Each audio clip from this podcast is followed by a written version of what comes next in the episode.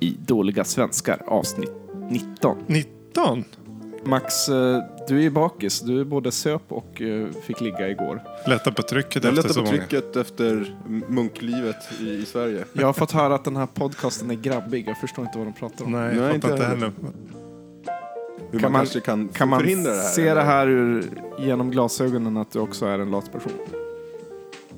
Hur menar du? Att du inte orkar välja ett ämne. Så Ja, bara. nej, det jag kan jag är bakis, jag pratar om bakis. Ja. Du kör Paleo, Rickard, men Pale Ale. Mm, precis, de står fel på flaskan. Ja. Mm, dagens sämsta ordlist. Välkomna till eh, Dåliga svenskar. Eh, Ja, tack så mycket. vi tackar. är ju eh, samlade här idag igen. Vad skönt att se er grabbar igen. Ja, Mm. Kul faktiskt. Det var ett tag sedan. Jag har saknat säga. Mm. Vad har du gjort i Berlin här under Nej, jag har tiden? bara suttit och pluggat. Pluggat, Så att, eh, pluggat. Det är ingenting nämnvärt. Mycket, Ehm. titta, sitter på biblioteket och Mm. det har varit varmt här har jag hört. Det har varit svinvarmt och i, ehm, i helgen så upptäckte jag att det fanns en... eh, Jag blev visad en uh, gömd sjö i Berlin. En gömd sjö. Men det, det, säger, inte vart den är för då... då det säger alla berlinare. Jag ska inte avslöja vad den är, men det finns en sjö i en ganska stor park i Berlin som ingen vet om för den finns inte på Google Maps. Aha. Jag trodde Alltså Olle, du har redan satt, satt, sagt för mycket nu. Det här kommer sprida sig som löpeld. Nej, nej, nej. Det är inte, det är inte så många... Via denna den. podcast. Via denna podcast så kommer den ta sig in till, till svensk Den är community liksom, det är mitt Berlin. i stan och det är nästan ingen, fo- eller det var folk sådär, men inte Mm. alls så mycket som det borde ha varit i en sån fyrsjö mitt i stan. För annars, man åker ju S-Bahn i en timme för att trängas med en miljard tyskar på, Mm. På någon sjö, så här halv... Det är, så, det är så jävla skönt. Jag pra, pratar med mycket föräldrar och folk så här, eh, just så här, ah, vad gjorde ni i helgen? Ja, när vi åkte ut till, till den här sjön och badade och så, så var fint. Jag bara, jag bara ser framför mig bara, framför, man, när man kommer dit klockan tio på morgonen, hela parkeringen är full. Eh, och det är liksom redan fullt med folk som är på väg bara Det är mot liksom varje kvadratmeter är täckt med handdukar. Och, Ja, så kommer man dit och då bara, "Ha, vad ska man bada då? Liksom, det är fullt överallt. Mm. Och så bara, ja, här borta, liksom här bak, bak, bakom den här busken kan vi ligga. Och så, just det där trängandet och så är det massa mestadels väldigt jobbiga människor. Men jag har alltså hittat då, eller jag har inte hittat, jag ska inte ta på mig cred, så här, Nej. jag har blivit visad um, den här sjön då. Min spontana reaktion är liksom, varför kunde inte, ingen ha sagt det här till mig för åtta år sedan? Mm. Eh, men det känns bra i alla fall. Eh, Max, eh, du är ju bakis. Du både söp och eh, fick ligga igår Ja, när du kom hem från Sverige till Berlin. ja.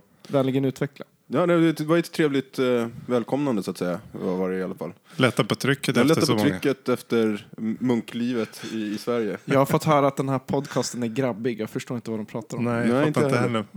Jag fattar inte, alltså jag menar, nu när du var i Sverige, du var ju me- mest på landet ja. Jag var mest på landet var jag. Och, ja, med, och med familj. Så det är lite svårare då. Mm. Och, och sådär. Men ehm, ja. För babes-faktorn är ju ändå... ja, men egentligen så. När jag var inne i Stockholm och gick runt så, så det var inte så mycket mer än i Berlin egentligen. När man tänker på det. eh, De, de hänger alla på eh, lekplatserna. Ja, det vet du allt om. Eh, och så jag, så jag tycker att det är jättetrevligt att vi spelar in precis här, hemma hos mig idag. För Mm. att eh, då kan jag röka samtidigt. Max Och det här orkar är, inte. det här Max, är, Max är tycker om. en ganska lat person. Väldigt Rickard, vet du vad Max eh, tog en öl med den här tjejen han träffade igår? Var? Ja, med Eh, tanke på att Max är en ganska lat person. ja, jag kan, kan anta att det är te. Nej, nej, Nej, ja, nej här direkt på hörnet. Precis under hans lägenhet. Precis under lägenheten. Jag, jag föreslog te. Och som alternativ, men om du suger mer på öl så kan vi ju gå här Men det- i, i ja, Rixdorf. precis. Och ehm, då var det faktiskt hon som sa, ja men Rixdorf är jättetrevligt. Och du bara yes. Ja, så jag gick ju ner fem minuter innan. För övrigt, det här heter ju Riksdorf som du bor i. Och du bor på Rickardsgatan här. Som är nära Rickards plats. Och det var ju, blev ju utsett här förra veckan till det nya stora drogområdet. Ja, vi slänger upp en länk på daligasvenska.se där vi Mm. visar den här artikeln som visserligen är på tyska men den beskriver hur dekadent den här delen av det dekadenta Neukölln har blivit. Och det är, det är en beskrivelse då från själ- själva... eh, det säger man inte på svenska. Nej, Okej. det, det blir för tyska. Om man för säger tyska. dekadent betyder... alla, alla svenskar förstår det så att nej, på nej, det för, sättet är det ändå. nej det, exakt. Det är jag som är förtyskad. De, dekadent är... Du säger på rätt sätt på svenska. Jag tänkte att dekadent är någonting fint. Jaha. På tyska betyder det att dekadent är någonting som har blivit... Alltså ett, ett fint förfall, så att säga. Alltså att man är, man är snobbig, typ. Men det var, det var två grejer jag tyckte var roliga med den här artikeln i alla fall. Mm. Det ena är ju då att det heter precis som du Rickard och det Ja. andra är ju att Max bor precis. På gatan. liksom. ja. Ja, men jag förstår själv inte vad, vad de snackar om när jag läser artikeln. För Mm. att jag ser inte kanyler ligga på gatan och så här. Visst, det är hemlösa och knarkare eh, i området. De är de lokala. det är det ju. Men, men det var ju en berättelse från en värd där, en, en hyresvärd som, som eh, var tvungen att liksom i princip dagligen rensa bort skit från uteliggare och mycket så här kanyler och gamla... Mm, ja, men jag undrar vilken hyresvärd det är. Ja, det är inte men, vår, här i alla fall. och jag måste tillägga till det, så jag tror att sam, nästa dag i samma tidning så var det eh, en ganska stor, art, lång artikelserie angående just kanyler i, i, på lekplatser. Och ehm, så här, ja, överhuvudtaget glasskärvor och allting sånt där. Och det måste jag säga är helt sjukt. Det, alltså det finns mycket lekplatser och sånt i Berlin. Um, och det finns många som vurmar om hur barnvänligt det är i Berlin på ett sätt. Men jag kan, min betraktelse är liksom så här. Alltså nästan alla barn, alltså lekplatser som jag har varit på som är i stan. Alltså som är här i typ i, i Friedrichshain, Kreuzberg, eh, Prenzlauer berg. Går man på dem så hittar du liksom så här. Vad fan är det här? Så, så här glasflaskor, nej inte, inte bara glasflaskor utan så här skärvor. Så här glasskärvor i sanden där småbarn leker liksom. Och eh, nu var det liksom, har de hitt, jag har till och med också gjort det, men ehm, var en morsa som, som eh, typ höll på att dö för att hennes dotter hade fått en kanyl Åh jävlar. som hängde fast i fan, huden. Hon, dottern kommer springandes och bara Mamma, mamma, titta här. Shit, va? Alltså vilken skräckhistoria. Mm. Och det här var i Charlottenburg. Mm, det är ju ett av de finare områdena då ändå. Ja. Men det säger också hur mycket liksom, diversiteten i, i Berlin. Jag tror att eller liksom i Charlottenburg bara för att det är gamla väst betyder inte det att det är... Nej, nej, men samtidigt, det, det krävs ju inte mer än en eller två personer som Nej. går dit för Men det, är- det är ju ganska logiskt att det blir i lekplatser och så här. Det finns bänkar, det är upplyst. Gungor. Gungor. Nej men det finns ju, man kan sitta ner och skjuta upp. Ja, visst. Mm. Ehm, jag kommer ihåg att jag har gjort det många gånger. Nej. Nej men alltså det finns ju många ställen som också är gömda sådär. Att du kan gå undan. Att sitta mitt på gatan är ju väldigt, ja det märker folk direkt. Vi har, jag har i alla fall en, sorgligt. en announcement eh, att göra. Det är nämligen, vi tänker att köra en, eh, någon av de eh, fram, våra framtida podcast kommer vi köra live med video. Wow, som vi har Yay. väntat. Vi slänger upp det på förmodligen Facebook, kanske Youtube, sån här livesändning. Så att man kan kolla, gå in och droppa in. Så vi kommer att släppa då en, en viss tidpunkt där alla kan gå in och kolla på oss live. Och eh, jag antar att vi släpper avsnittet i en klippt eh, ljudversion också när vi är färdiga. Absolut. Så att, eh, ja, eh, jag vet inte, vi kände lite så här, ska man liksom köra en stor grej och göra det i Globen, det blir liksom, ah, det tar så mycket tid. Så Mm. att vi kör det på ett vanligt inspelningsställe och slänger upp det på Facebook istället. Eh, Jag har ett, ytterligare ett announcement och det är nämligen att eh, jag har eh, anmält mig med ett team till eh, någonting som kallas för Team Series för Crossfit. Så det är en officiell eh, team eller eh, lagtävling i, inom Crossfit. Så jag har Ska du vara med upp på med... Eurosports? Ja, precis. Det här kommer bli riktigt stort. Så att, vi får se. Nej, men det är, vi är två, två grabbar och två tjejer. Och det är, det är väldigt jämställt. Nice. Mm. Jämställdhetspoäng på det då. Mm. Mm, trevligt. Max, det är du som ska börja prata idag. Ja, och eftersom jag är bakis så hade jag tänkt att prata om att vara just bakfull och hur Kan man, man- kanske kan, Kan man förhindra det här. se det eller? här ur, genom glasögonen att du också är en lat person?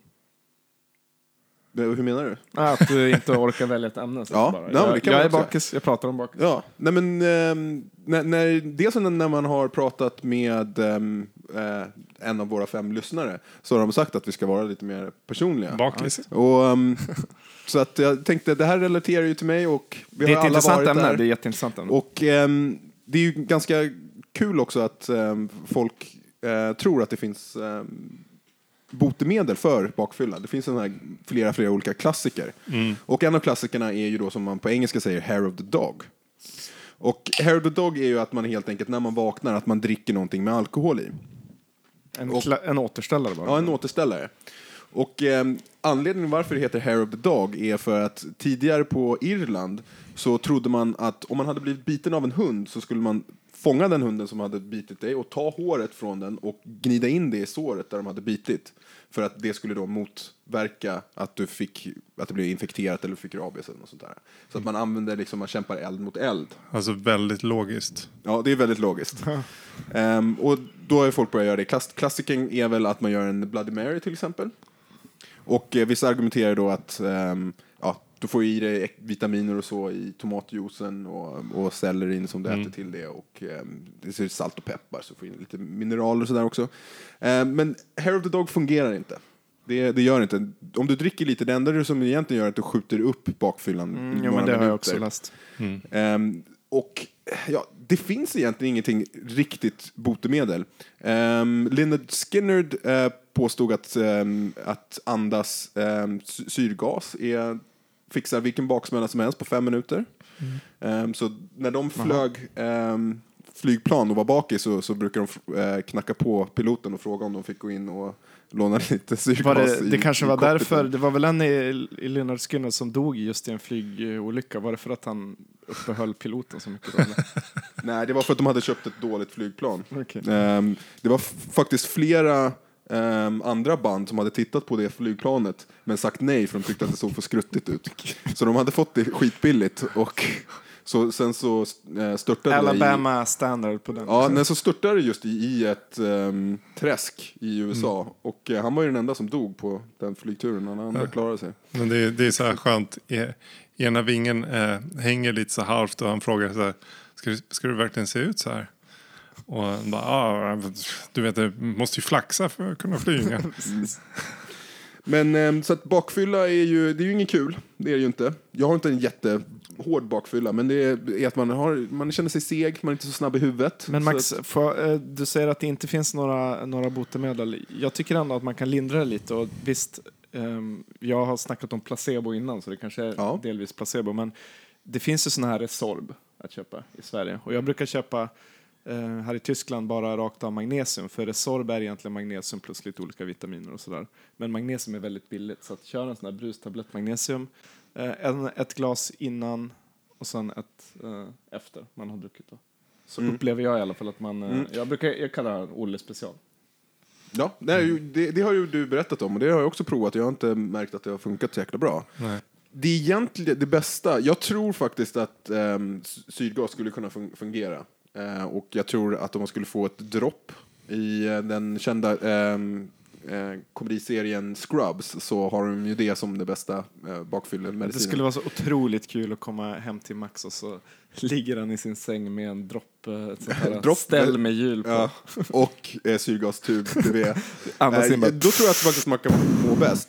Men när man verkligen när man tittar runt och forskar lite på, på det här så märker man direkt att det handlar mycket mer om förberedelse för att lindra bakfyllan än att man kan äta bota den. dricka mycket vatten. Exakt, man ska, man ska äta innan man, man eh, börjar dricka och gärna äta medans man dricker, ungefär som, som ryssarna gör. Eh, att man har något till tugg så att man aldrig är på tom mage. Det här klassiska Ehm. fyllekäket, det är ju väldigt bra. Ah, det, de, när jag läser såna här listor på vad som är bra så är det är egentligen ingenting som, man, som är jätteviktigt.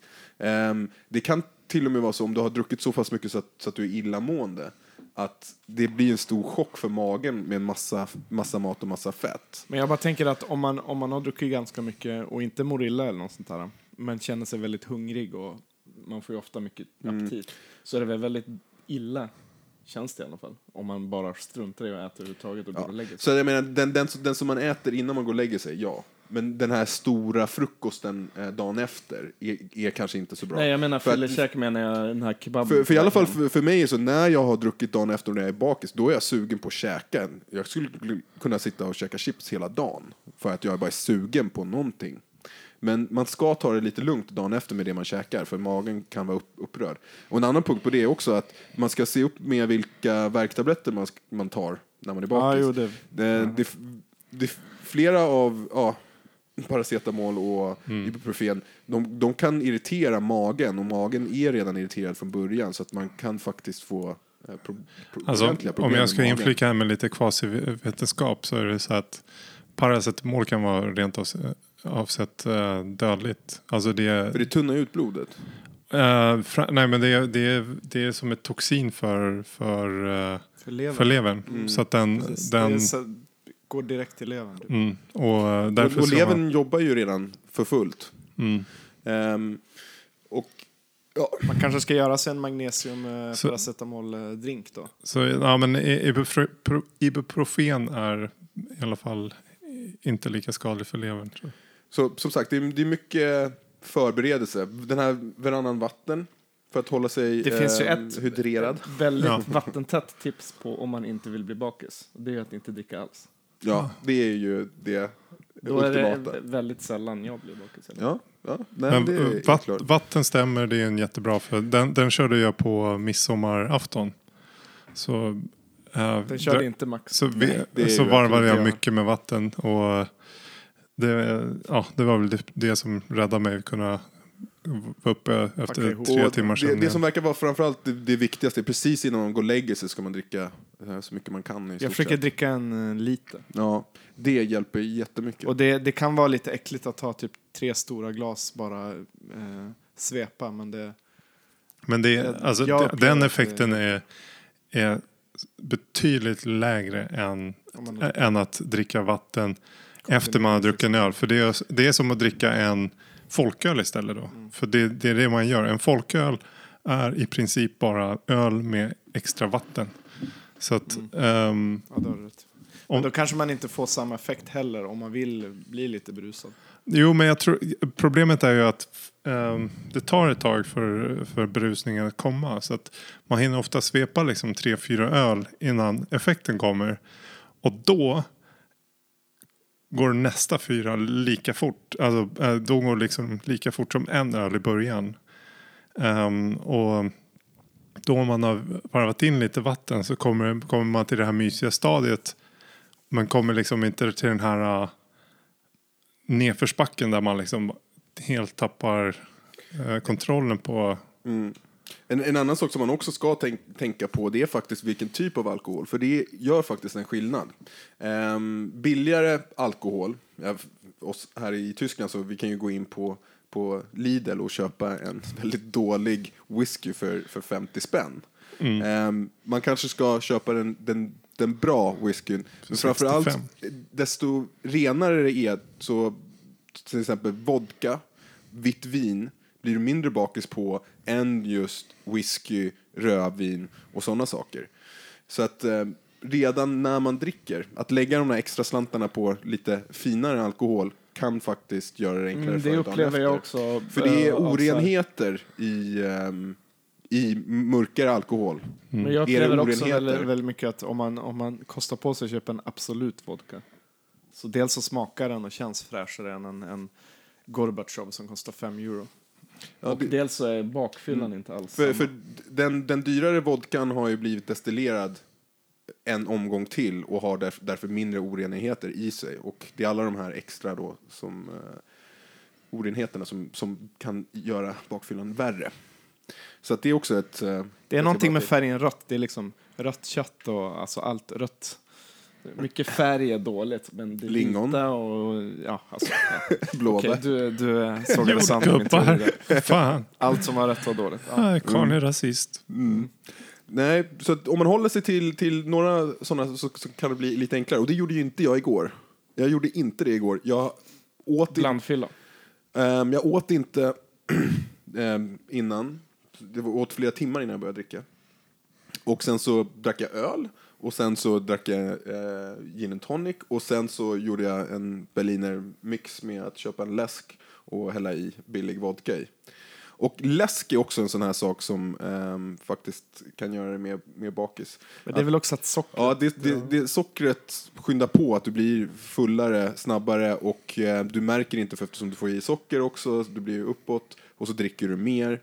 Så att um, sock, sockriga drycker ska man också hålla sig undan från. Vet vet ni hur mycket kalorier en öl innehåller? Väldigt många.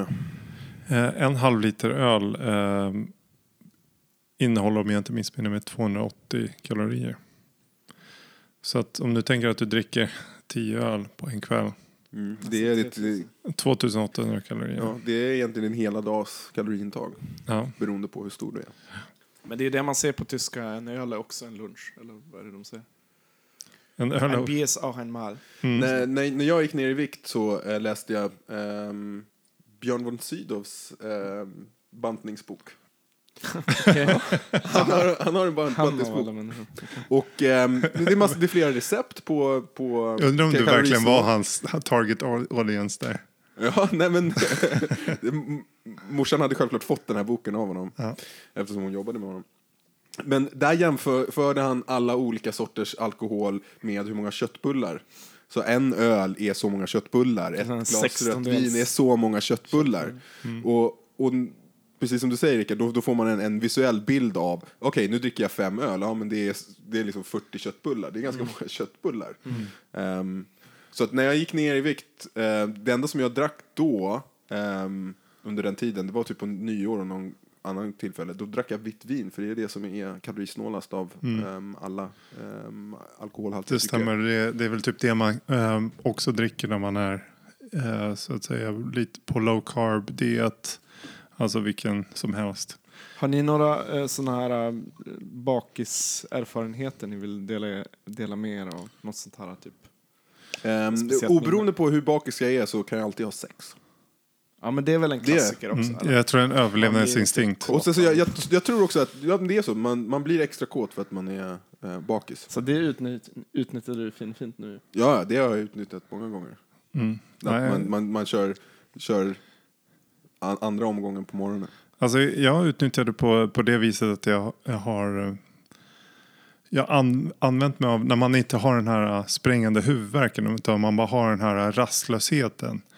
Så har jag använt, använt mig av när jag har typ hållit på med musik och sånt där så har det varit typ de bästa eh, rep och jam sessionen har varit under när man är bakis. Man står och liksom man bara flyter in i musiken och det, det, är, det är en extremt underbar känsla liksom. Alltså det, det är nästan så meditativ. Eh, Jag har inte haft den erfarenheten att det blir rastlöst. Det är snarare, det jag tycker bäst om i bakfyllan är att jag har då för mig själv den perfekta ursäkten att vara jättelat. Jag att tänkte också inte säga det, göra att för mig har det någonting. också det enda positiva jag kan säga om det är att man typ Låt oss säga att du har en, eh, en eh, skoluppgift som ska in om tre dagar så att du måste egentligen göra någonting men du vaknar med sprängande huvudvärk och bakfylla. Då liksom, alltså, jag vet att även om jag skulle försöka så går det inte. Så att idag, jag ska gå ner, köpa hamburgare och pommes och majonnäs och köpa Coca-Cola och bara ligga och kolla på Netflix hela dagen. För Ja. att jag är bara, och det blir något så här eh, ironiskt med det blir precis som att man förtjänar det för att man är bakis. Egentligen är det tvärtom. Man Ja. borde ju jag, jag, straff, liksom. jag har aldrig kunnat göra det. Alltså jag, det enda jag, jag känner var, var, alltså när det verkligen är så här, att det inte går, det går inte. Alltså jag, lights out liksom, jag sover då. Och jag kan inte liksom titta på tv eller göra någonting smått sådär. Utan det är verkligen så här, okej. antingen så tar jag huvudvärkstablett. Uh, get rid of it. Eller så liksom sover jag. Mm. Nej. Ja, om det är någon som har några andra eh, tips på, på att fixa en bakfylla så eh, skriv gärna in det i en kommentar på, på det här avsnittet för att eh, eller mejla in på eh, riktigt snabbeladaliasvenska.se. Vi har ett kommentarsfält på hemsidan daliasvenska.se också. Ja. Utnyttja det ehm, medan det finns. Och Ja. eh, eller man kan även ge, faktiskt via iTunes så kan man faktiskt också Ja.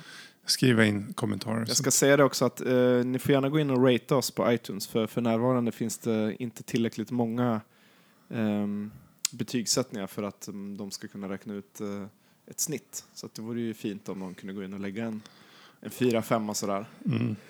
Ja, minst. Eller whatever. Ni får ra- rate oss hur ni vill. 11 som i ja, Spinal Tap. Spinal Tap, precis tack. Mm. Ehm, Olle, vad, vad har du på tråden idag? Ja, alltså, eh, jag har faktiskt ett eh, önskeämne från en av våra trogna eh, lyssnare. Oj, oj, oj, vad spännande. Som eh, går under namnet Fläskisen i den här eh, podcasten. Mm, Ah. fläskis, jag Ehm, träffade honom i morse. Ja, vad mysigt. Det var skitlänge sedan jag träffade honom faktiskt. Mm. Fläskis, hör av dig. Om du hör det här, ring mig. Uh, får spela innebandy eller någonting. Um, Fläskis ville att vi skulle prata om, eh, som han uttryckte det, sambandet mellan narcissism och att ha en podcast. Ja, just det.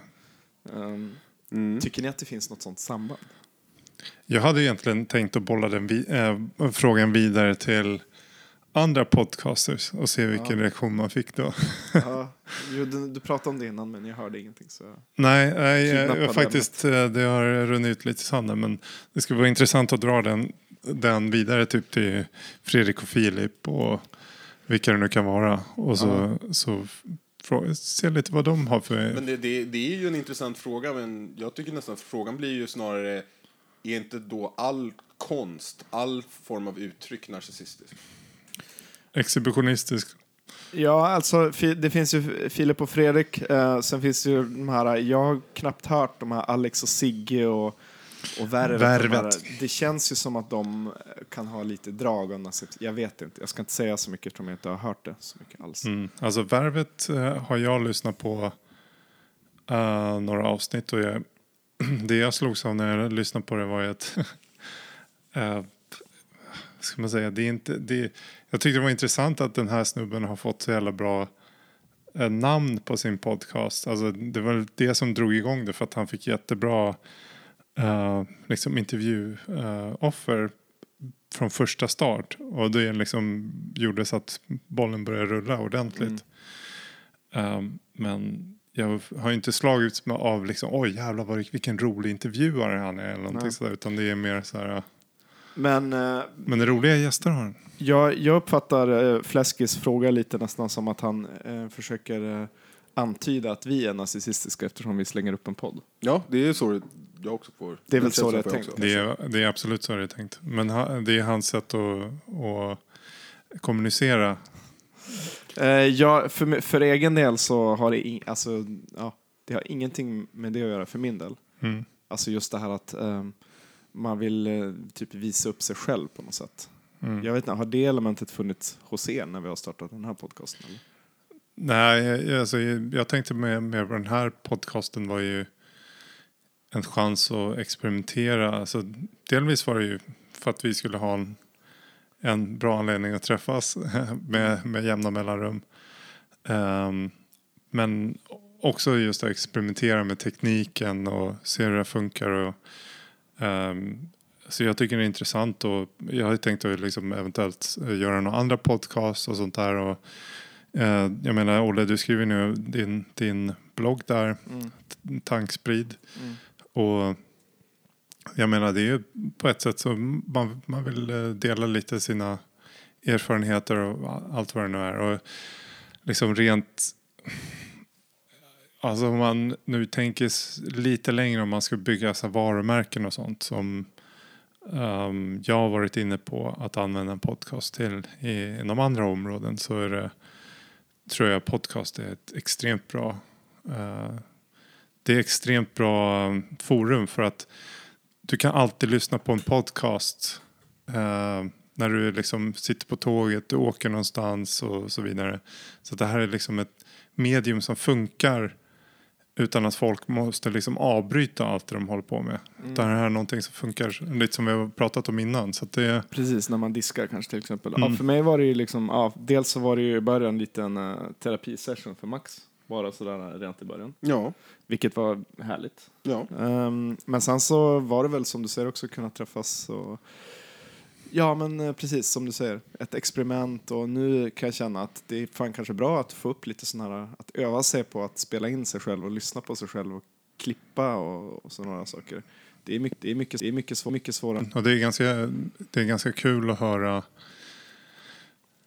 Ja, höra hur det utvecklas och sen, sen också som sagt man, man märker ju också okej, jag kanske inte är världens bästa podcast eh, person liksom. Så, Men, det är, Men- man, ser ju hur svårt det är. Eller, men bara genom att liksom hålla på och öva och öva så börjar jag tänka liksom, ah, nu måste jag, fan, jag måste börja prata lite snabbare så att det låter lite mer intressantare. Så måste det vara lite mer action. Så, här, ah, hur, Max, hur tycker du det? Ah, ja, men man, ah, får, eh, man får en eh, ny dynamik på något sätt. Ja, Men ehm, det...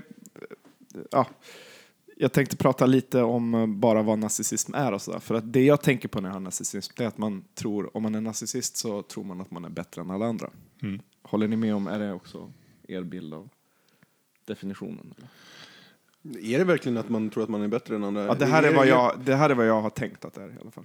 Alltså den fabeln eller den grekiska eh, myten är ju om Narcissus som, som, som drunknar i sin egen spegelbild för att han är så självupptagen. mm.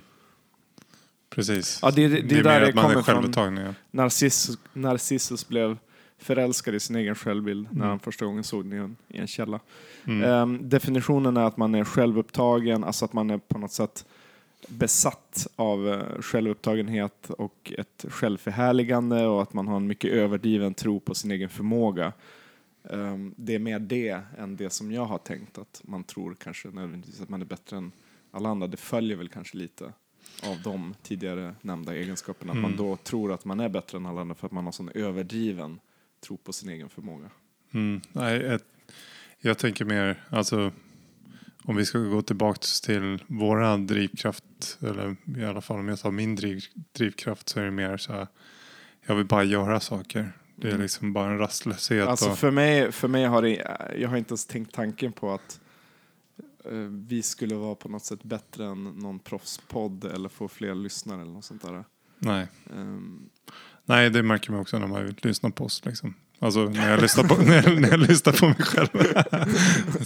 att ambitionerna ligger här nere liksom. ja, nej men det är inget fel med att ha, att ha höga ambitioner heller men jag tycker att man måste ju ändå, oavsett vad det handlar om i livet så borde man kanske ha fötterna på jorden för att jag tänkte komma till det här, ehm, vilka kända personer kan man definiera som narcissister och då har jag tänkt på Zlatan bland annat. Ja. Men jag tänker att Zlatan har ju sån, sån enorm tro på sig själv. Har alltid haft. Det finns intervjuer från när han var en pojkspole i MFFs ungdomslag och bara går runt och säger till folk jag kommer bli en av världens bästa fotbollsspelare. Han, um, enligt uppgift så när han lämnade in skoluppgifter i, i högstadiet så signerade han baksidan och sa till sin lärare bara behåll den här och rama in den för det kommer vara så mycket värt om tio år. Och sådär. Jo men det, det säger ju typ, alltså för, för inte för att nedvärdera Zlatan jättemycket men det är ju väldigt många eh, invandrarkids som har haft den här eh, typen av jargong eh, Precis, men från jag- skolan liksom. Det kommer jag, ju jag, till tänker att, ihåg. jag tänker att jag tror att han alltid har haft en extremt hög självbild och Mm. liksom ehm, ett otroligt självförhärligande.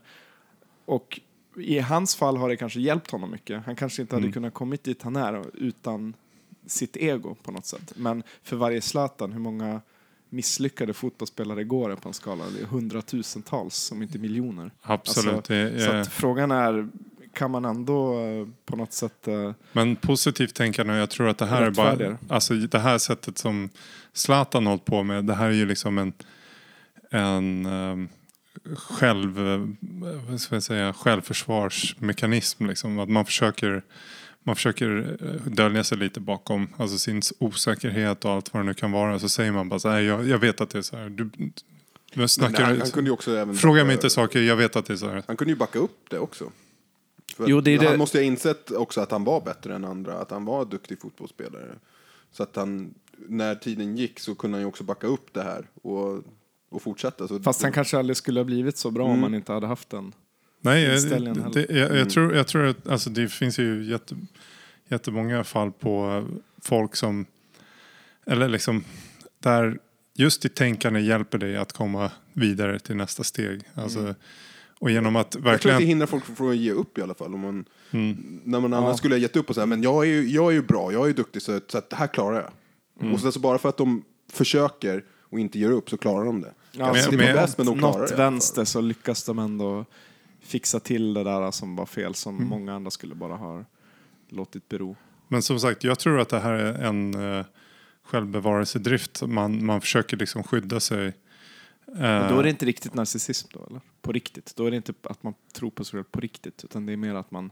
Alltså jag tror, jag, om jag skulle Mm. ta Zlatan så min, eh, min psykologiska analys är att han har försökt att rädda sig själv från en väldigt miserabel situation genom att eh, ja, alltid liksom vara, anse sig vara den bästa eller vad det nu kan vara och liksom på så sätt eh, ja, undgå diskussioner och vad det nu kan vara.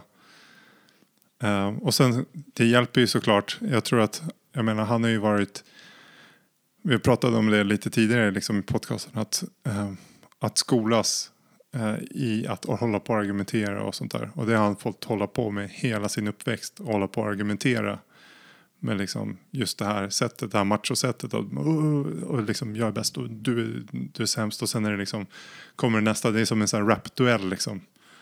Eh, var, varför finns det i rapkulturen det här med så här, Mm, jag att kommer, jag är bäst och du...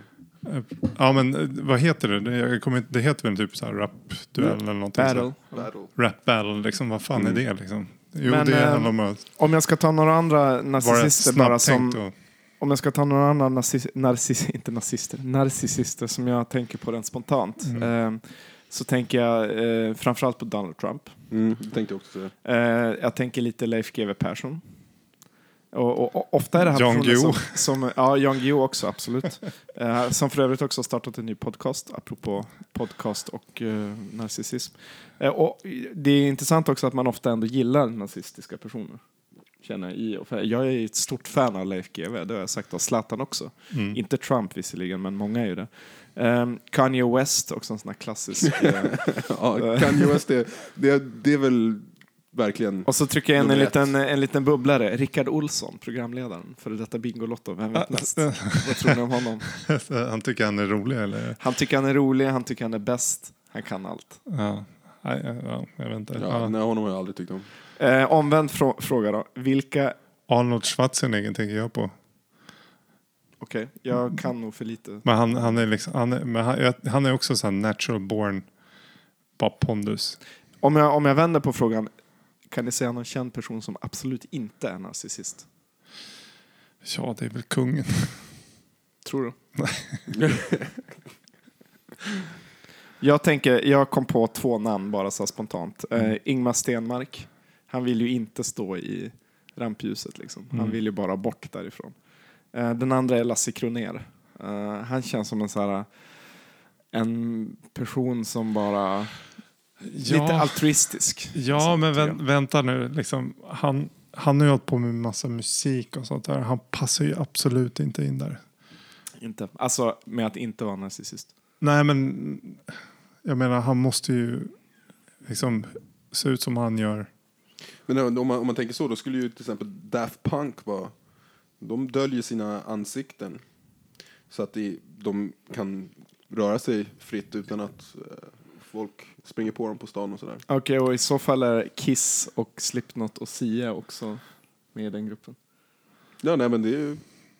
Om man tänker folk som, som Ja. inte vill vara i rampljuset. Nej, men det är Men bara... ändå, ändå är där. Vi kollar på så, jag tänker på alla sådana här fitness eh, bloggar och allt vad det nu är liksom. Eh, De är narcissister. Ja, alltså. Herregud. Men om man snackar om folk som lite- inte är narcissister då? Precis, folk som inte är det. Jag vill, jag vill ha något namn som känns Alltså, jag, jag, Ingvar Carlsson. ja, eh, precis, jag tänker lite på... Ja, okej. Han blev statsminister bara för att eh, Olof Palme dog. Ja. Bara och bara. att Han, han hade jobbat lite Han var vice för, statsminister. för att komma till den positionen också. Whips. Nej, men han ville ju egentligen inte Bananskal. han ville ju egentligen inte bli statsminister. Nej, Nej. det var inte hans, det var inte meningen att han hade 40 000 följare på, på Instagram. Och, Nej, men eh, jag, tänk, jag tänkte faktiskt eh, lite spontant på Tåström. Men det är också så här, eh, många kändisar som kör den här. Bara, ah, nej, jag vill Men inte det ha kanske är massa- just en, en fråga som man inte kan svara på just för att det är en motsägelse att vara känd Mm. och inte vara narcissist. På något sätt. Är Mm. alla kända personer narcissister då kanske? På, på, på något alltså exhibitionist. Mm. Alltså att ma- man vill... Jag tror det, hos många så konstnärer och sånt där så är det bara att man vill, man vill få utlopp för vissa, vissa saker. Och ehm, just så här, vara skådespelare och sånt där är ett sätt att kunna... Måste jag ändå säga att det, det finns lite skillnad på, att man träffar lite skådespelare så är det lite skillnad på de som är narcissister om man säger så. Och de som är lite mer bara så här, jag, jag vill bara, ja de är lite mer kufar så att säga. Folk som skriver under pseudonym och sådär. Ja, Eh, jag tänkte i alla fall bara nämna när jag... det är bara att kolla Micke Bindefelds äh, fester så ser man vilka som är narcissister. Aha. De som är narcissister de tackar ja. Ja.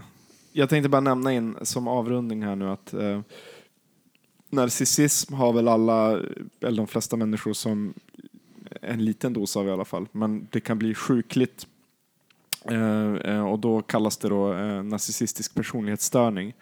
Och då har man även väldigt stor brist på empati, man är manipulativ och arrogant, så det är ett slags psykopati kan man säga egentligen.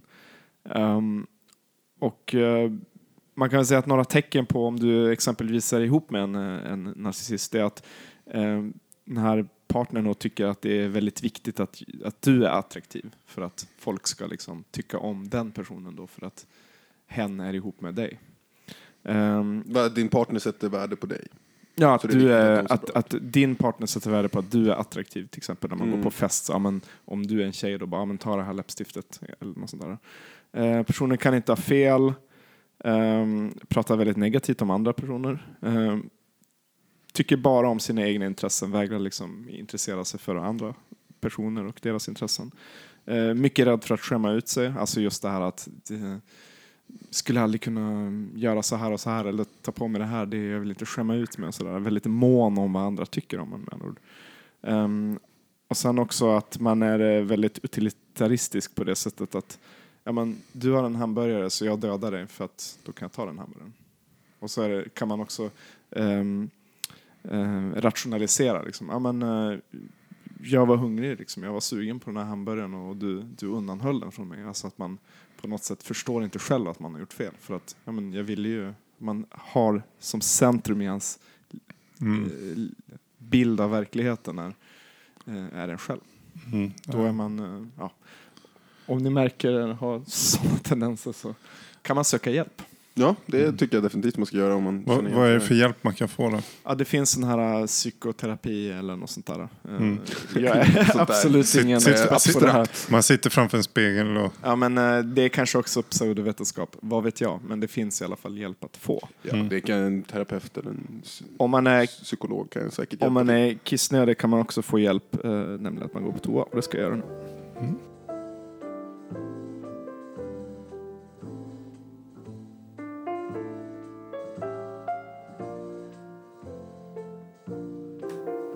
du fått en drink, Rickard? jag har fått min drink och eh, Gud vilken god, vad var det här för något? Ja, nej, men det är, även fast jag är bakis så kan jag i alla fall göra drinkar till andra. Så att det här är en, Uppskattas. en trevlig kombination av eh, väldigt dålig Lidl whisky Mm. ehm, och ginger ale, också Mm. från Lidl. Så det är bra för bakfyllan. Jättebra. det kommer ge en bra bakfylla om man dricker mycket- många sådana. Men Mm. det är faktiskt gott med whisky och ginger ale. Den kombinationen är väldigt god. Eh, nu i pausen så började ni prata om uh, någonting intressant. Nämligen valet i Berlin som Mm. stundar. Ja, det är nämligen det. om, eh, om två veckor här ungefär. Mm, Eller, den eh, inte en och en halv vecka. Den 18. En och en halv vecka. Så att, ehm, ehm, ja, vi... Vad, har, eh, har- vad, vad vet ni om valet liksom? Eh, Hur, hur ser det ut? Alltså, vi, vi som, som svenskar i eh, Berlin, vi får ju bara rösta väldigt lokalt.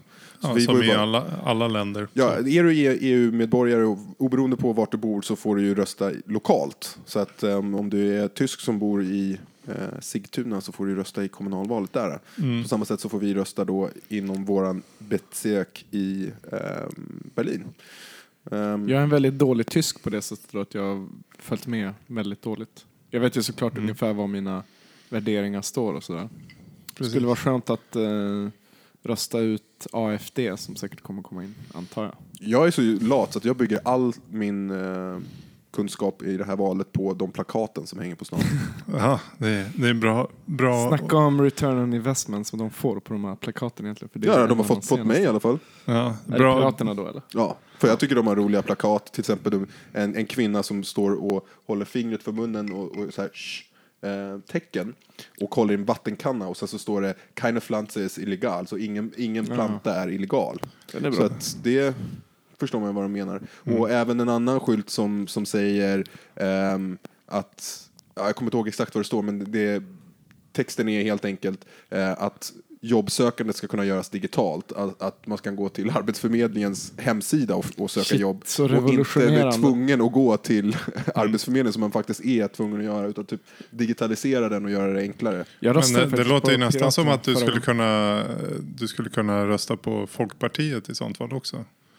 För det leder in på min nästa fråga. Det är nämligen, har ni läst något partiprogram? Nej. Ja. Nej. Än, men jag ska för, sätta mig in i det. för de säger ju i princip exakt samma saker. Alltså just eh, om nu eh, till exempel det här med, med bugaamt och allting sånt där. Digitalisering, om det är en viktig sak så har ju det, är ju det också någonting Liberalerna håller på och förespråkar. Och Men jag tycker det är mycket, mycket roligare att rösta på Piraterna för de har ju också internetfrihet och de här sakerna. Och sen så Mm. verkar det bara som det är helt galen grupp människor som De har, ställt upp. de det är har en eh, fråga som jag tycker är viktig, nämligen delning på kyrka och stat. Mm. Ehm, jo, eh, jag, har- jag har börjat med att gå igenom lite partiprogram. Jag har faktiskt satt, satt det som ett, e- en egen agenda att gå igenom alla. Jag har inte gjort det alla än. Men eh, det finns ju eh, x antal partier i, eh, ja, i, i Berlin. Och jag tänkte fråga om ni vet hur det funkar, hur själva systemet funkar här i Berlin om vi börjar med det. Jag vet att eh, varje distrikt har en samling som ett miniparlament Mm. på 60 pers. Och det är de som jag kommer få rösta på. Precis. Och det är väl de som sitter där vid nära Alexanderplats, tror jag. Är Det beror på vilken- Landestag. eh, Precis. Det, det finns... Eh, du har ju Bezirk, alltså området. Och sen har du ju liksom själva Hela Berlin. hela Berlin. Och eh, egentligen så har ju du rösträtt i båda. Om du bor i Berlin. Men vi har ju inte rätt, rätt att påverka nationell politik. och Nej, inte det, Bundes... och, och så, så Berlin som bundesland. Nej. Eftersom Berlin är ju en stad och ett bundesland. Mm. Så jag har ju inte rätt att um, rösta på, på det som bundesland. Ehm, Som stat, Berlin. I alla fall så är det så här att ehm, om, om, man ska, om man ska ha eh, grunda ett parti så måste man ehm, så finns det bara 21 partier som är valbara.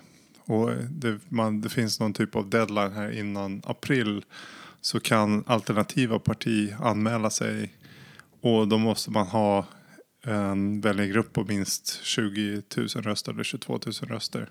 I Berlin eller i varje bundesland? Eller? I Berlin. Så att om, om du vill ha ett parti i Berlin så måste du ha minst 22 000 röster som du kan... Måste man då ha underskrifter eller måste Ja, precis, man underskrifter. ha medlemmar? För det är Nej, nej, nej. Medlemmar är en helt annan sak. Det är ganska mycket ändå. I Sverige funkar det väl inte så, för där finns ju alla möjliga olika kalanka partier som får 15 röster och sånt.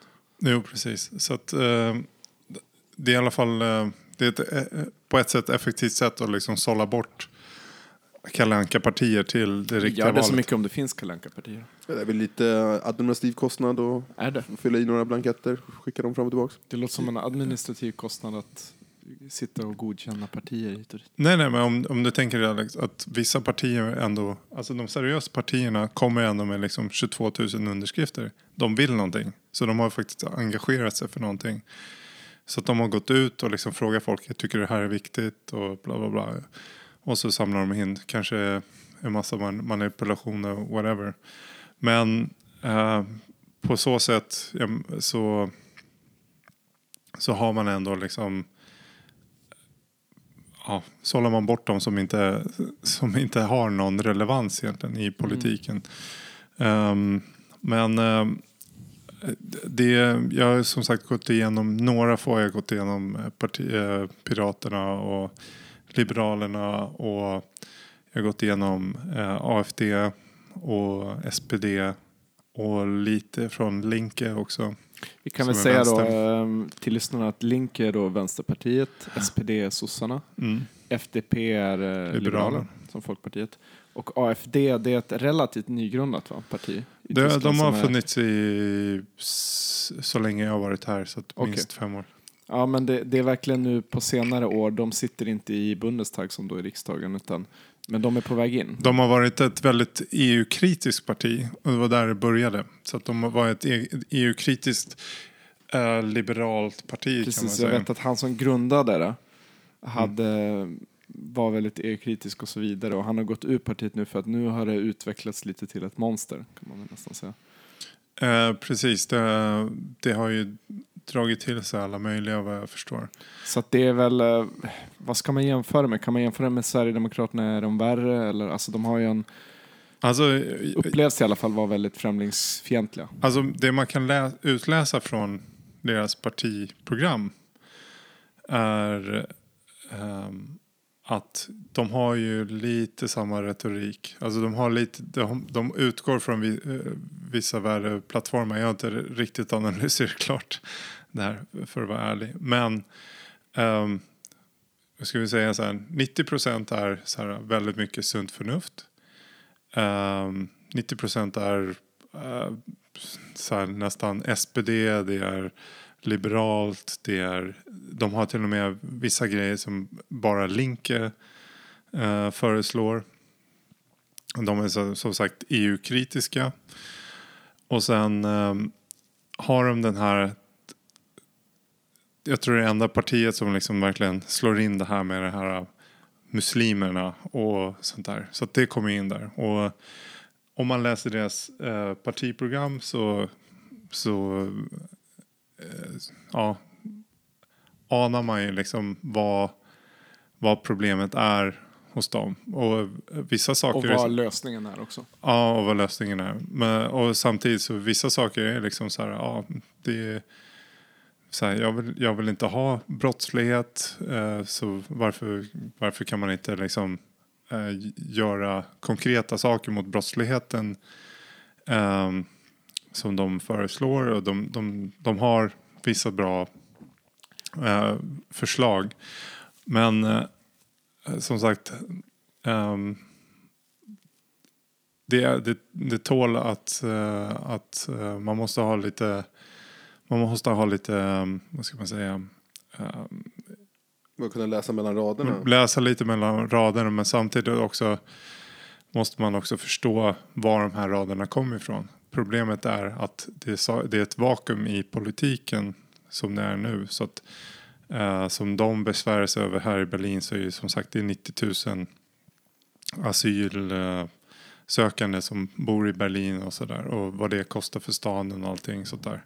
Samtidigt som det är eh, 13-14 procent arbetslösa som liksom har varit arbetslösa så och så länge. Och eh, vad det innebär. Och jag tror det är många som liksom eh, alltså debatten har ju eh, tack och lov eh, flyttats framåt liksom, eh, måste jag säga. För hur, hur man debatterar. Men eh, jag, känner, jag, jag känner inte till AFD tillräckligt mycket för att jag ska kunna debattera om det.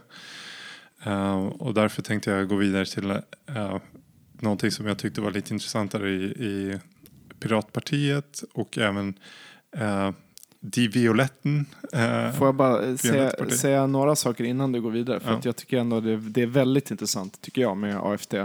Och till lyssnarna kan man också säga att AFD står för Alternative für Deutschland, alltså Mm. Alternativet för Tyskland. Mm. Vilket då påvisar att vi har lösningen för Tyskland ungefär. Mm. Och många har problem i sina liv i Tyskland, precis som i många andra länder. Jag tycker det är intressant i Tyskland därför att Tyskland, precis som Sverige länge var, har varit väldigt skonat från nationalistiska strömningar. Mm. I alla fall i parlamentet, att det har yttrat sig genom röstsedlarna sedan då andra Alltså- världskriget. Alltså det har ju kommit väldigt starkt i Nederländerna, i Belgien, inte Mm. minst Danmark och så, och så i Sverige också. Mm. Eh, Tyskland har haft ett parti som heter NPD som har varit som är väldigt högerextremt. Alltså, det är ett högerextremt parti liksom. Ja, men det, Mm. det är Och verkligen... de säger sig vara det också. Ja, alltså det är verkligen, jämfört med dem är eh, na, liksom gamla nationaldemokraterna är som lamm i princip. Mm. Men då, Så att- det partiet har ju, har ju faktiskt fått platser i, i Östtyskland. Absolut, det har varit mycket sådana här på, lite mer lokal eh, nivå har det varit mycket i Östtyskland, vilket också är intressant.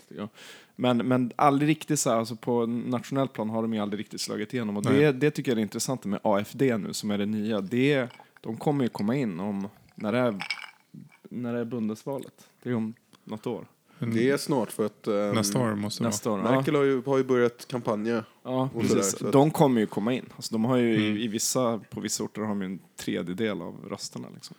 Så att jag bara vill Mm. flika in för lyssnarna att kom ihåg det här nu att eh, när ni ser på nyheterna om något år att i Valtyskland att det kommer vara mer nationalistiskt än vad det har varit historiskt sett i Tyskland. Jo, och, och, jo, och så måste man ju också säga att eh, för, för att göra det en, mer enkelt eh, mediellt så precis som alla partier gör så, så gör man ju det eh, drar man ju verkligen på och som AFD-personerna förespråkar, vissa där, eller hon som är nu ledare för AFD, hon är ju en, en sån här teflonmänniska.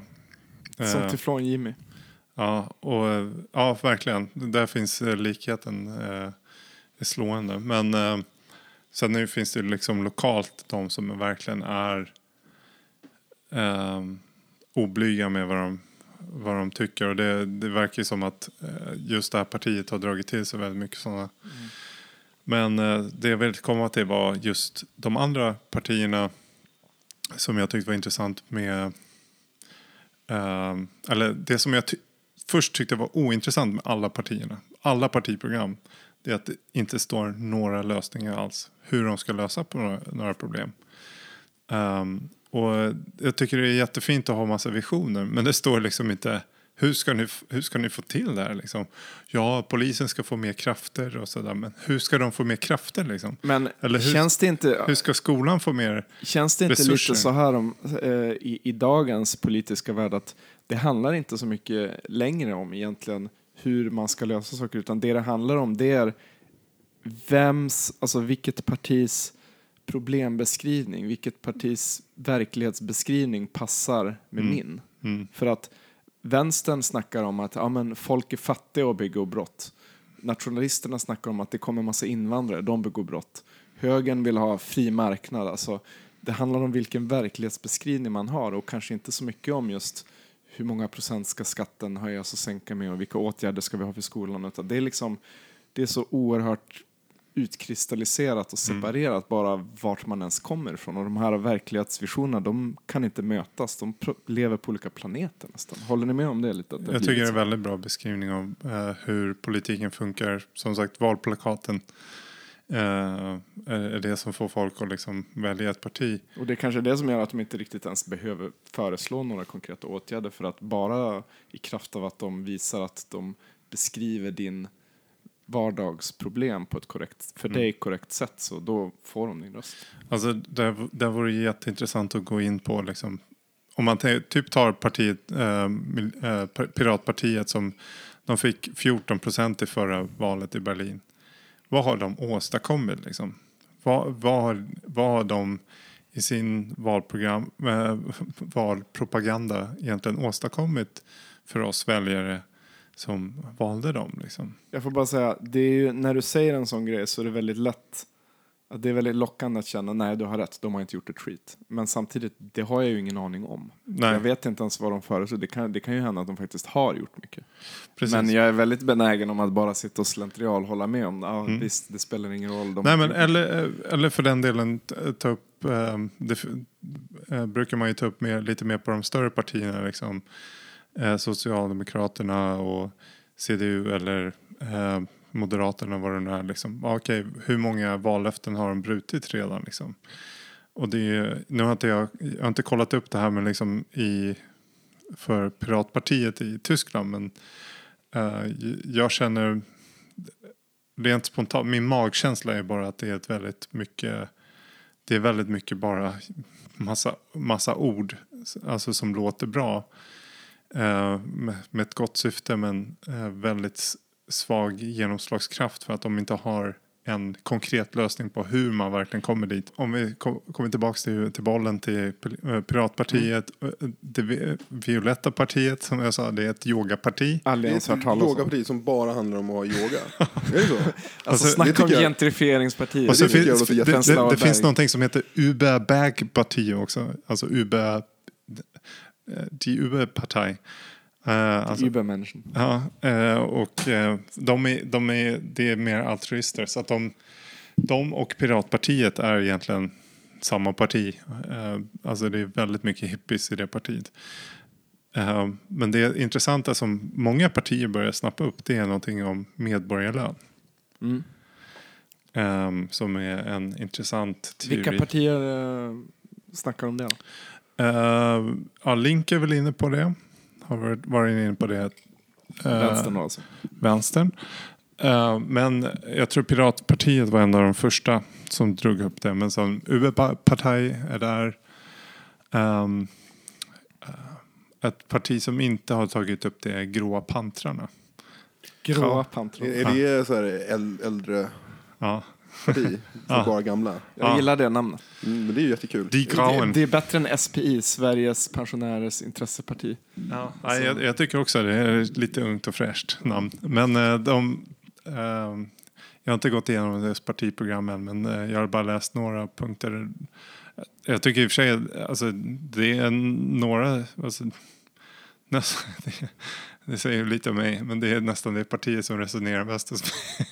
Det säger mycket om det. Det, det, det, det roliga är ju att de den gruppen av människor som faktiskt alltid går och röstar är vanligtvis de äldre människorna. Så att den demografin är jätteviktig att få.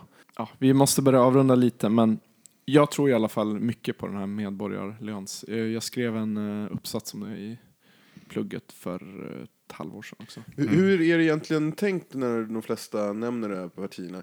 Är det att eh, Ja, det all- finns ju alla- ingen alla lösning ska, på det. Alla ska få en viss summa pengar? Ja, alltså, det- det, det jag kan berätta ur en eh, ekonomisk synvinkel därför att det är väldigt lockande att, att eh, tro, att tänka direkt att... För att tanken är att oavsett vem du är, vad du gör eller whatever så får du så mycket pengar så att du kan överleva på det. Det Alltså, I kan, princip bara gratis boende. Liksom. ja, det kan vara att du får 700 eller 1000 euro överfört på ditt konto varje månad. No questions asked. Okej, och då tänker man så här, jaha, men eh, var, eh, vad händer då med incitamentet att gå och jobba? Då kommer folk bara sitta och slappa. Liksom.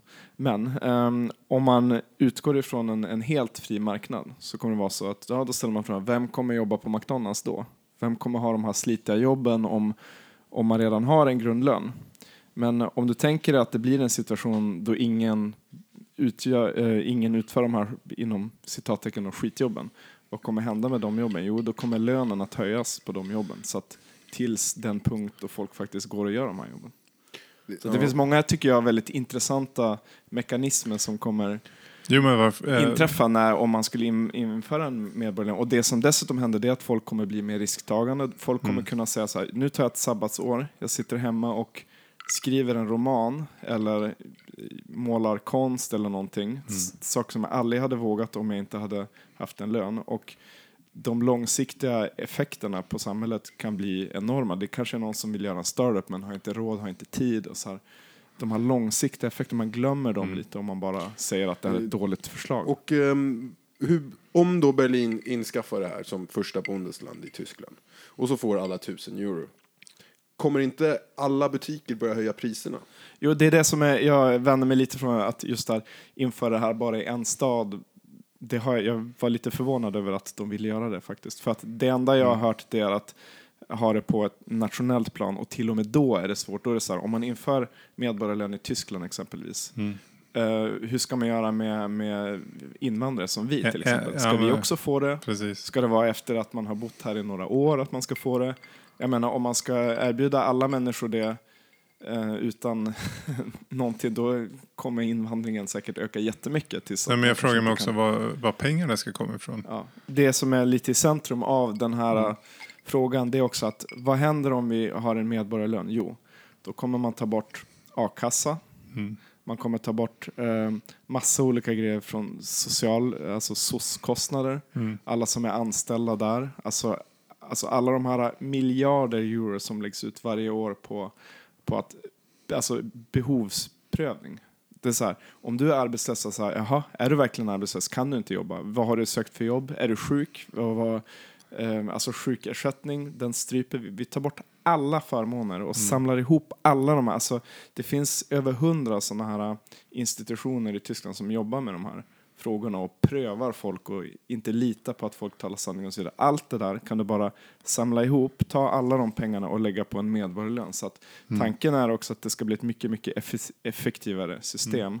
Och alla de här pengarna som idag går till alla de här hundratals olika myndigheterna, det lägger vi ut på några hundra euro per pers. Liksom. Alltså, jag, jag, jag, har, jag tycker att det är en, ganska skön idé. Liksom. Mm. Ehm, jag, sk- jag skulle, alltså om jag tänker så här, att om det skulle vara ett samhälle där folk är, uh, ska man säga, straight, där man är hederlig, liksom, så är det ett system, alltså ett samhälle där det kommer funka. Liksom. Jag, jag kan som, som sagt bara utgå ifrån den erfarenheten från, från Island jämfört med liksom Mm. inför det på Island och sen inför det, inför det i Italien liksom. Eller i Saudiarabien. Så Jag tror, jag tror hur som helst det kommer komma. För att eh, mekaniseringen av samhället kommer gå så långt så att i slutändan kommer nästan ingen ha ett jobb och inte kunna försörja sig om man inte har någon form av lösning. Men det är en annan Jo, fråga jag, lite grann. jag har Mm. hört samma, samma argument. Så att det, det kanske oundvikligen kommer för att det, det finns resurser för att alla ska överleva. Och, ehm, på ett sätt så är det så här, om du är skitrik så um, gynnas du också av att bara alla mår bra. Liksom. Mm. Så att, Det, det jag tycker är intressant också med den här medborgarlönslösningen det är att eh, det är många både alltså ehm, supporten för den här Mm. idén sträcker sig från vänster till de mest marknadsliberala högermänniskor just Mm. för att det är en sån effektiv till lösning. filantroperna. Liksom. Ja. Mm. Men det måste väl sättas i kraft någonstans? så De har, ju man haft i, de har ju haft i Schweiz har de haft folkomröstning och de har eh, röstat nej till det. I Finland ska det sättas i verket på prov eh, om några år, har jag hört, Mm. på lokal nivå. Eh, det har gjorts försök också på olika håll i världen men aldrig riktigt på nationell nivå. Varför jag tog upp det här var också för att delvis för er liksom, men också för eh, de, som, de fem som lyssnar, det är att de faktiskt sätter sig ner och äh, läser igenom alla partiprogram och bara skapar sig eh, sin egen bild på vad som egentligen sägs i partiprogrammen. För att man kan bara utgå ifrån det de säger eh, i sina partiprogram. Ehm, Jag blev i alla fall inspirerad nu. Jag ska rösta på det partiet som pratar mest om medborgarlön. Det Om bra. det så är AFD, det tvivlar jag starkt på. Men nej, jag tror inte det. Ehm, de är traditionalister förstås. De är väldigt traditionella. Ska vi slänga upp en uh, topp fem?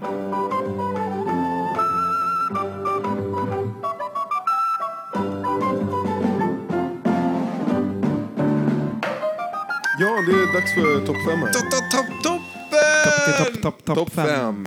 Ja, och eh, topplistan idag handlar ju då om ehm, det värsta som du skulle kunna höra. Eh, dels om du har eh, varit på till exempel du har varit på en dejt och det har gått jättebra Aj, i, aj, aj. i, i två timmar. She Eller då eh, någonting som kanske till och med du absolut inte vill höra från, från din chef ehm, som, som du eh, jobbar med. Och, Som du tycker om väldigt mycket. som du tycker om väldigt mycket. Diggar. Ehm, vissa passar ju in bättre på vissa situationer än Jag tror andra. vi kanske, ja, det är Ja. väl kanske framförallt, tänk dig att du har dejtat en tjej eller kille Mm. och så har ni suttit där tre timmar och druckit öl på någon bar. Och sen precis innan hen ska gå så säger hen Eller, det här. Mm. Ja, de mesta Eller när jag punkterna precis- är ju verkligen för, för, för det här, funkar ju enbart på den här. Så nummer fem så har vi, eh, jag har inte riktigt kommit över mitt ex.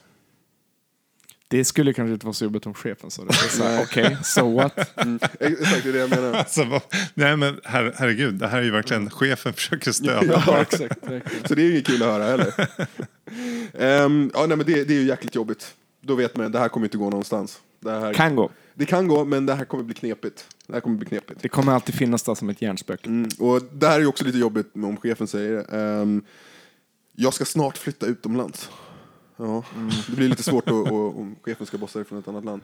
Men det är ju ännu jobbigare om, om den här underbara personen som du haft en underbar dejt med, att du vet att det finns en tidsgräns på det. Att det är så här, snart är den borta, så vad gick du ens på dejt för? Varför? Rationella Ja. Max som skulle Ja. Ehm, och på nummer tre så... Ja, det känns nästan som att vi är syskon. Det påminner mycket om, om mitt syskon. Eller du påminner om min pappa. ja, precis. Det vill man inte höra. Nej, det vill man inte riktigt höra. Då skulle allt kännas... Men allt skulle ändras. Men syskon är värre än pappa eller? Alltså, om jag skulle dejta en tjej som säger så här, alltså, du på, när du skrattar så tänker jag på min far. Ja. Ska jag tänka så här, what? Mm. Men är är inte det här det var- Oidipus-komplex? Ja, alltså, det det här är ju väl i alla relationer? Hur då menar du? Eh, Det klassiska Oidipus-komplexet. Det är att man dras till... Ja, i, för kvinnor så... så För kvinnor så är det, man, man, dra, man dras till, till till, de Alltså, männen som, som Freud påminner... Ja, men det är en sån Alltså. Freud-grej. Ja, det. det där är... Ja. Men det, det stämmer. ja. Nej men alltså, om, ehm, det, det argumenteras väldigt mycket om i alla fall att om, om en kvinna har haft en, en dålig relation till sin far så söker hon en fader i gestalt senare i, i livet i sina romantiska eh, förhållanden. Någon som kan ersätta den och bli det som hon saknade i sin Mm. uppväxt. Ehm, då går vi snabbt fram till eh, nummer två och det här tycker jag är jäkligt jobbigt alltså. Så här, de vänder sig om och säger, ja just det, jag är scientolog. Den sved. Den sved, Rickard. för Den där, sved. även hur, alla saker som du har sagt innan, hur bra som helst. Och sen så där, De där faller det. Så, så, De nollställs. nu kan ju inte jag tro på någonting du säger. Ja, men det är liksom, aha. Okej, Okej. nu- då, då måste jag ändå bryta isen. Om de säger att de... Är det skillnad då? Scientolog, eh, kristen, muslim eller buddhist? Stor skillnad. Stor skillnad tycker jag. Alltså det är klart, På- om man, om man skulle vända, vända sig om och säga så här, ja, jag sympatiserar med IS. Det hade ju känts ännu jobbigare om de var scientolog såklart. Men om, om det skulle vara en, en eh, kristen eller muslim. Jo men, om- eh, okej, men vi tar, vi, vi tar, vi tar scientologen, de, de tror på aliens och whatever. Kristna tror på att eh, en snubbe återuppstått efter att ha hängt på ett kors i några dagar. Jo, eh, men- muslimer tror att en, en snubbe har ridit på en häst som har kluvit månen med, med, med sitt skär.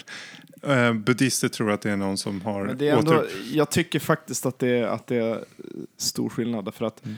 scientolog är på ett annat sätt än sekt i, och- i och med ehm, dess funktion. Alltså just det här att de är väldigt de, de vill inte ens berätta riktigt vad de tror på. Är du med Mm. så är du liksom antingen ingen med oss eller mot oss. Alltså det är klart att man kan vara fundamentalistisk kristen och förneka evolution så det hade varit lika jobbigt. Men om någon person i Sverige säger jag är kristen, då är, betyder det inte så jättemycket egentligen.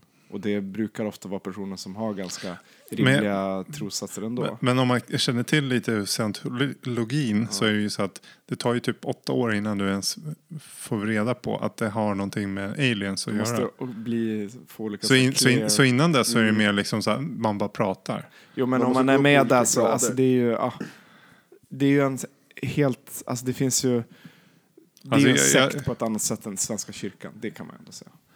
Eh, ja. Nummer Ja. ett då, Ja, trumvirvel. nummer ett som du inte vill höra, det är du, det där med eh, sex miljoner judar som mördades, eh, det, det var ju fan allvarligt talat. Det, det var inte så. Fast det får man inte säga, det här jävla skitlandet kan de lägga till också. Ja, ja. Oh. Oh, den sved. Och, eh, visst, så Den nu, sved nu, Max, den sved. ja. Och så nu skrattar vi när vi säger det. Är ju jätte, jättehemskt att, att det hände, men det är ju än, ännu värre när någon förnekar. Ja, men det är så här, alltså det är ju konspirationsteoretikernas Mm. foliehattar. Eh, och så kryddar vi det med lite nationalsocialism, då får vi en härlig cocktail. Rickard. Alltså, eh, jag hade faktiskt tänkt att ha det som ämne idag men vi kanske kan ha det i alla fall som ett av ämnena till nästa gång. Eh, näm- nämligen chemtrails. Ja, just det. För jag, jag körde det skämtet ehm, idag. Så, var, så spelade lite fotboll med ungarna på gården. Och så var det en av ungarna som är så här ett och ett halvt och bara pekar upp i luften. Och bara, Åh! Typ så här flygplan eller någonting. Så såg jag, var det en sån här Mm, vit sträng. rand där på, på, på, uppe på, på himlen. Och jag sa så här, nej, nej, nej, det, är- that's a chemtrail. Ja, man måste få, få dem när de är unga. Det är, Ja, det är bra. Det Med de orden så religion- ehm, lämnar vi över till ehm, ingenting, etern. Jajamensan. Gå in och kommentera. Ja, och, eh, kommentera gärna nu. Kom igen nu. Vi vill ha kommentarer, vi vill ha mail, riktigt Och in, svenska.se. inte bara massa, massa vad heter det, så här, vad heter det, date-ansökningar till Max. Eh, Riktiga Även en- fast jag uppskattar dem. Det är alltid trevligt. Eh, rate oss på iTunes. Gå in nu och rate oss på iTunes. Det tar en sekund. Vi vill ha ratings. No pressure. Vi eh, tycker om er allihopa. Vi hörs nästa vecka. Det gör vi. Kram och puss. Mm.